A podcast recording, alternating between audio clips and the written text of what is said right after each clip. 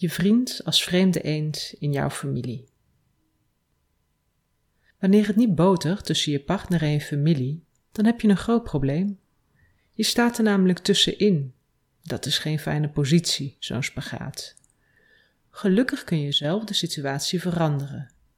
Met een beetje hulp van overpsychologie.nl leer je beter luisteren. Want veel luisteren, maar niet andermans problemen oplossen, dat is de oplossing.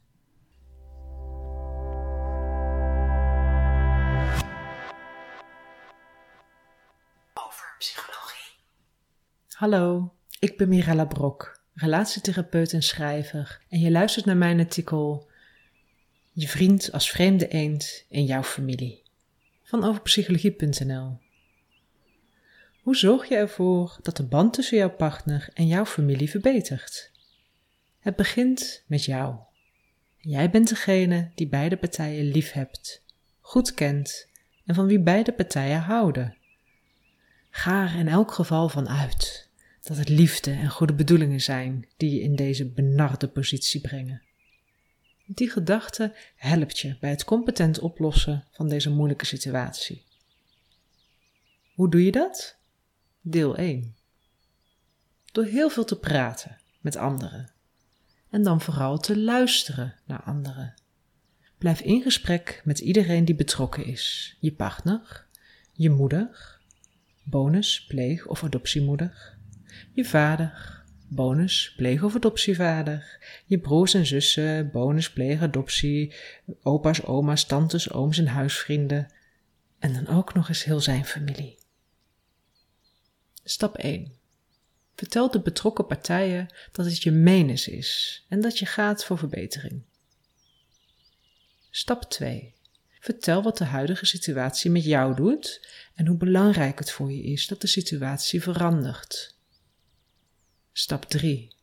Maak de ander duidelijk dat je jouw verantwoordelijkheid neemt en dat je ervan uitgaat dat alle partijen verantwoordelijkheid nemen. Stap 4. Vraag wat de anderen van de situatie vinden en vraag er als het mogelijk is op door. Wat is er zo moeilijk voor de ander? Stap 5. Vraag de ander hoe jij kan helpen. En help, als je dat zelf ook een goed idee vindt. Kun of wil je niet helpen op de manier die wordt gevraagd?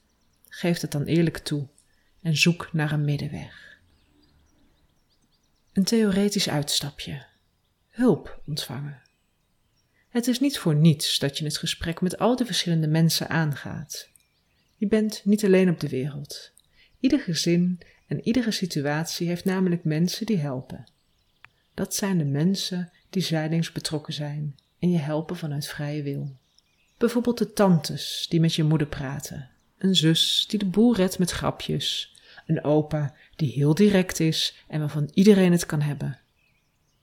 Vaak doen die mensen dit allemaal al uit zichzelf. Je hoeft het hen niet te vragen. Hulp vind je dus in andere mensen. Maar je vindt hulp ook in jezelf, bijvoorbeeld in je relativeringsvermogen of jouw fijne gevoel voor humor. En als derde vind je hulp ook in de natuur. Veel mensen worden rustig en meer vredelievend wanneer ze door de natuur wandelen, in de tuin werken, een bos bloemen bekijken of hun huisdieren verzorgen. Hoe doe je dat? Deel 2. Tip 1. Kijk goed rond en zoek naar personen die de situatie verder helpen. Zie hoe ze je helpen en bedank hen hiervoor. Wellicht zullen zij je vaker helpen, of kun je ze naapen en jezelf hun kwaliteit eigen maken. Tip 2. Kijk ook goed rond naar situaties waarin het wel goed gaat tussen je familie en je partner. Wat zorgt er dan voor dat het goed gaat? En hoe gedraag je jezelf dan? En wat helpt je daarbij? Doe dat dan meer. Tip 3. Belangrijk is het om gedrag niet te veroordelen. Alle gedrag dat helpt is toegestaan, al is het soms in mate. Bijvoorbeeld weglopen, lees afstand nemen, is toegestaan zolang je terugkomt. Of bijvoorbeeld boos worden, lees grenzen stellen, is soms heel helpend. Ook als de ander boos wordt, kan hieruit later iets goeds komen. Hetgeen dat helpt, helpt je soms van de regen in de drup. Dan is het van belang te zien wat het keerpunt is. Tip 5.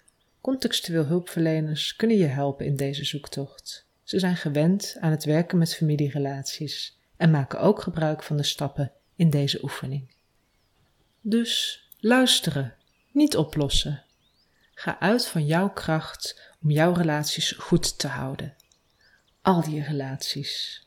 Hoe tegenstrijdig dat soms ook lijkt, want soms lijkt wat goed is voor de relatie met je familie niet goed te zijn voor de relatie met je partner. Dan kan een goede middenweg een hele puzzel zijn. Een moeilijke puzzel kost tijd en aandacht.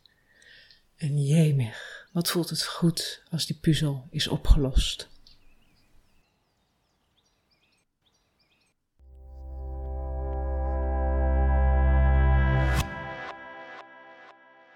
Psychologie.